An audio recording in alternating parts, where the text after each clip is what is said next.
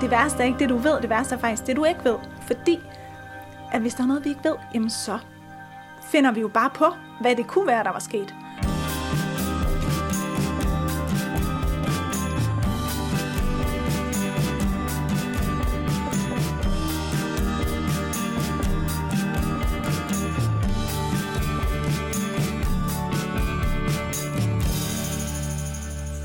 Velkommen til Alinias podcast Didakter. Mit navn det er Anders Schunk, og i den udsendelse der har jeg sat mig sammen med Alinias digitale kulturfagsredaktør Andreas Munk Stavgaard om. Og det har jeg gjort, fordi Andreas han har været i gang med at lave et helt nyt forløb til Alinias portaler. Og Andreas, vil du lige prøve at fortælle, hvad er det for et forløb, der nu udkommer?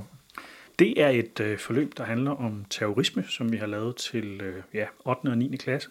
Og det er et forløb, som øh, meget gerne skulle øh, give øh, eleverne nogle, noget viden om øh, noget, der fylder rigtig, rigtig meget i vores samfund på en måde, men også på en anden måde ikke fylder særlig meget i øh, børns liv, fordi sandsynligheden for at blive ramt af et terrorangreb i Danmark er forsvindende lille. Så det er et forløb, der på bedste måde skal, skal give øh, eleverne noget viden om det her meget specielle samfundsparadoks, vil jeg sige. Og til at lave det forløb, der har I en meget kompetent øh, forfatter, som har arbejdet med terror som journalist, altså med formidling af terror til børn som journalist. Og hende skal vi høre det interview med lidt senere, hvor hun blandt andet siger... Man skal være ærlig. Altså man kan godt sige, hvad der er sket. Men man kan også godt sortere lidt. Altså man kan sortere det fakta fra, som ikke er nødvendigt, fordi det bare gør en mere ked af det. Og så kan man fokusere på det fakta, som er godt, fordi det giver en forståelse af, hvad der er sket. Ja, sådan siger Turi Meyhoff, og mere øh, for Turi lidt senere. Andreas, vil du ikke prøve at fortælle, hvad er øh, baggrunden for, at et forlag som Alinea skal øh, have sådan et, et forløb her om terror? Det skal vi grundlæggende, fordi det er vigtigt. Vi skal det også, fordi vi har lærere, som har kontaktet os og sagt, at vi mangler det her forløb, og lærerne lytter vi rigtig meget til. Øh, vi skal det, som jeg også startede med at sige, fordi det er et paradoks, at vi har et fænomen, der fylder rigtig meget i vores samfund, øh, både politisk og lovgivningsmæssigt og i forhold til den offentlige debat. Øh, og så et fænomen, som jeg sagde før, hvor, hvor sandsynligheden for terrorangreb øh, for det enkelte danske barn er, er forsvindende lille. Vi skal det også, fordi at øh, de børn, vi har i dag, er nogle helt andre børn i forhold til det informationsflow, de modtager på alle mulige forskellige øh, kanaler øh, end de børn, vi havde for, ja, for 20 år siden, dengang du og jeg var børn. Derfor ser jeg det som værende særlig vigtigt, at, at vi som forlag går ind og laver et, et godt, solidt undervisningsmateriale om, om lige netop det her. Fordi når der sker noget ude i verden, altså så er sandsynligheden, at børnene på en eller anden måde bliver introduceret for det, jo ret stor, altså fordi de selv færdes på nettet. Hvad er det for en filtrering, du som redaktør er med til at, at lave i forhold til sådan en emne her? Jamen, det er jo den her balancegang mellem at fortælle eleverne det, som, som, som de skal vide, øh, fordi det er vigtigt, og så øh, vægtet op imod at ikke at vise dem og præsentere dem for ting, som simpelthen er for hårde for terror. Det er ikke en rar ting. Punktum. Vi skal til at høre meget mere om sådan grunden til øh, at lave det her forløb, og, og også hvad forløbet egentlig indeholder i det øh, interview, vi nu skal høre med øh, den forfatter, du har fået til at lave forløbet, Turi Meyerhoff. Øh, hvad, nu, nu har, du har hørt interviewet, er der, er der noget særligt, du synes, man lige skal prøve at bemærke i, i, øh, i det Turi, hun fortæller?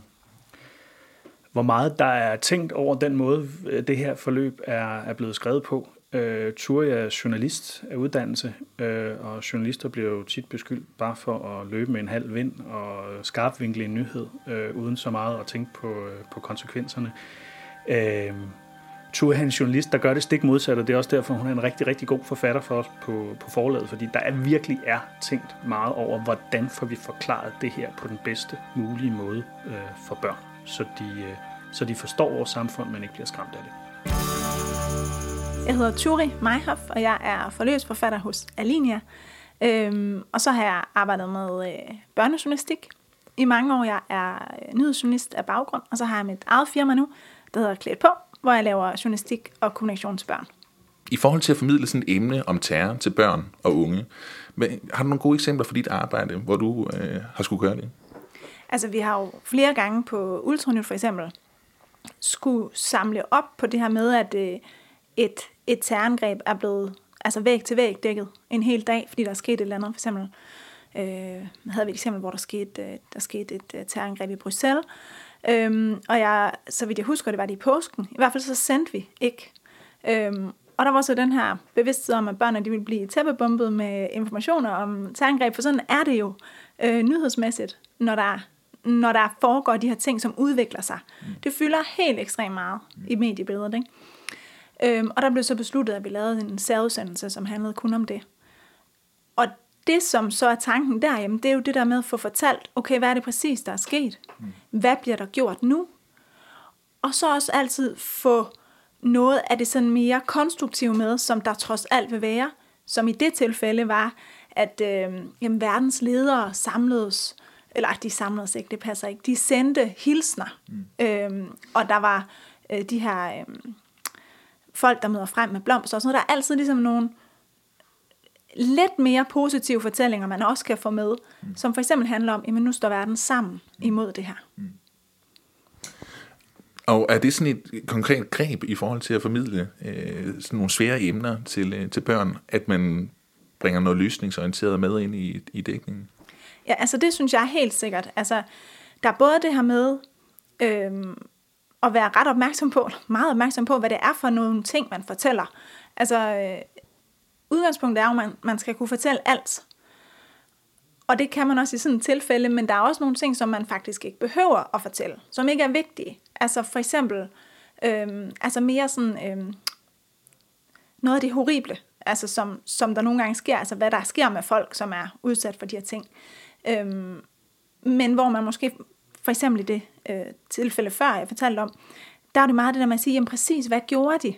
Mm. Altså, det kan man godt fortælle, for at man som barn, når man skal for, se det for sig ind i hovedet, får en, en, en fornemmelse af, hvad der er sket, og man ikke får en masse forestillinger. Altså lidt ud fra den her tanke med, at øh, det værste er ikke det, du ved, det værste er faktisk det, du ikke ved. Mm. Fordi at hjernen bare finder på, og finder på alt muligt, og det er faktisk også noget af det, som for eksempel børns vilkår anbefaler jo også forældre, at man taler med børn om de her ting, fordi at hvis der er noget, vi ikke ved, jamen så finder vi jo bare på, hvad det kunne være, der var sket. Øhm, og ja, så kan man så sige, at det her med det konstruktive, det er jo så sådan en ekstra ting, hvor i stedet for, at vi kun fortæller om det her frygtelige, der er sket, jamen så fortæller vi også, at der faktisk er nogle positive ting. Øhm, I tilfældet, øh, det er terrorforløb, der, øh, der er det jo for eksempel, at vi også fokuserer på, jamen, hvordan beskytter vi os som samfund imod terror. Mm. Øhm, og et sådan nyere eksempel, det er det frygtelige terrorangreb, som skete på Sri Lanka, hvor der også var en dansk familie til steder, hvor der desværre var tre danske børn, der blev dræbt. Og det er jo sådan en historie, som er enormt svær at fortælle, fordi at alle børn vil tænke, at det kunne have været mig. Øhm, samtidig så, så er det også nemt at sige, jamen vi er nødt til at fortælle den, fordi historien er derude, og det kommer vi ikke udenom, og det er sket det her. Øhm, og der var et af de greb, som, som øh, vi valgte i det tilfælde, det var det der med at sige, okay, der er faktisk en masse fakkeltog rundt om i Danmark. Vi kan ligesom øh, fortælle, i stedet for at fortælle kun det frygtelige, så kan vi fortælle, at, at øh, den her familie, de her børn, de bliver mindet, og der er en masse mennesker, der står sammen, og en masse mennesker, som prøver ligesom at tænke også det positive i, i det her. Mm-hmm.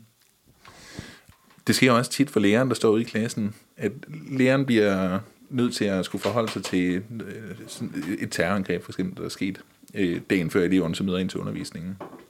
Hvad, hvad er det for greb, du så tænker, læreren kan bruge? Er det nogle af de samme greb, som man bruger som journalist, når man for eksempel er på børneavisen eller ultranyt?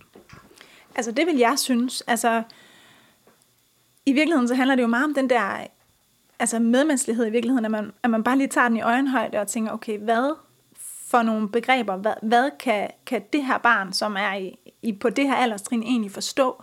Altså for jeg tror, øhm, altså jeg, det, det er i hvert fald det, som er erfaringen inden for børnejournalistikken, det er det her med, jamen det vigtigste er jo, at man taler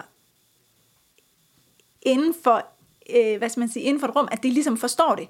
At det ikke bliver for, for stort eller voldsomt.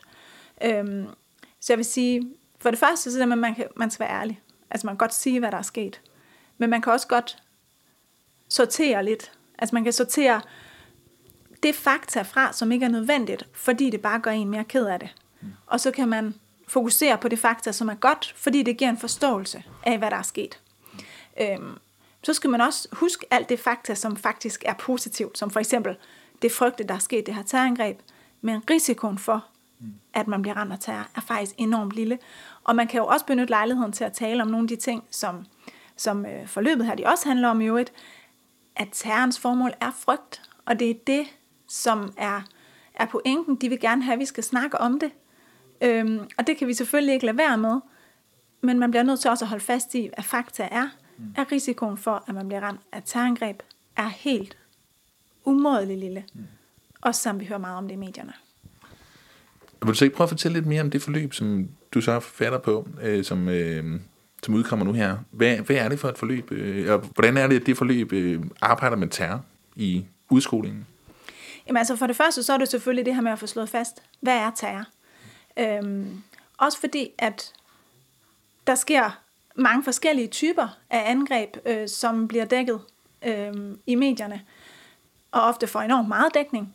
Vi hører for eksempel også tit om sådan noget som skoleskyderier, som man jo også godt kunne gå og være bange for øh, fra USA. Er det terror? Hvorfor er det ikke terror? Og så er der hele den del af det, som handler om risiko. Altså det der med lige at få det sat i perspektiv. Ja, I hører meget om terror. Det er også en vigtig ting, at I ved noget om det her. Men risikoen for, at I eller jeres familie bliver ramt, er meget, meget lille. Mm. Samtidig, så kan man sige, fordi det er til udskoling, så kan man også lige få de der ekstra øh, niveauer på, altså hvor det lige bliver også lidt mere interessant på en måde, ikke? fordi det også handler om, at terror kan true et samfund som det danske på en anden måde, fordi det truer vores demokrati dybest set. Altså de ting, vi gør, og som jo er positive, når man fortæller om det til børn. Samfundet passer på os, vi har en efterretningstjeneste, vi har noget lovgivning, som gør, at vi virkelig kan, kan beskytte os selv imod terror. Det er jo også nogle af de samme ting, altså den samme lovgivning, øh, de samme myndigheder, som der også skal være en politisk kontrol af. Fordi ellers så kommer vi derhen, hvor vi beskytter os selv så meget mod terror, at vi, at vi giver køb på nogle af vores basale frihedsrettigheder. Så den dimension, kan man sige, er også med, også for eksempel i forhold til sådan noget med overvågning. Hvad er det for noget indhold, læreren så får med det her forløb i forhold til at kunne tale øh, om terror med eleverne? Jamen, der er jo flere ting. Der er selvfølgelig tekst, som eleverne skal læse, og der er nogle, synes vi selv, enormt interessante opgaver, mm. som eleverne bliver stillet over for os i forhold til sådan noget med etik og dilemmaer og sådan noget. Mm. Øhm, men så har vi også prøvet at få det sådan lige lidt mere ned i... Øh, i øh, storbørnshøjde mm. øh, med nogle øh, videoer fra forskellige øh, lokationer, primært faktisk fra Aarhusområdet. Vi har prøvet at fokusere på en af de øh, institutioner, man skal sige, i Danmark, som er særligt beskyttet, nemlig Jyllandsposten, øh, og hele den historik, der er omkring, hvorfor de er et særligt beskyttet sted, altså også i forhold til den diskussion, der har været omkring ytringsfrihed og terror og sådan nogle ting. Øh, og sikkerhed jo et også. Øhm, og så prøver vi også at få øh, eleverne lidt ud i virkeligheden øh, med øh, en video, hvor vi kigger på, hvordan man faktisk kan se terrorsikring i bybilledet. Øh, helt konkret så handler det om, at der har været en bølge af terrorangreb i Europa, som, øh, som har været meget lavteknologiske ved, at de har brugt de her lastbiler og sådan nogle ting. Og det er jo det er i sig selv skræmmende, en skræmmende tendens. Men der kan man også bare se, at man i rigtig mange store byer løser det ved at sætte forskellige former for forhindringer op. Og hvor det tidligere har været sådan nogle grimme betonklodser, så er vi nu ude i, at det bliver noget mere vejet. Og det har vi ligesom prøvet at tage en byvandring og sige, her kan I se, det ligner måske bare øh, en betonklods, eller det ligner den her øh, pullert, som de hedder, de der sådan nogle bomme, man kan køre op og ned. Øh, du tænker måske ikke lige over det i det daglige, men det er faktisk med til at gøre din gågade eller den her plads foran domkirken til et mere sikkert sted. Ja, og sådan sagde Ture Meyhoff, som er forfatter på Alinias nye forløb om terror, og Andreas Munk Stavgaard, digital kulturfagsredaktør hos Alinia.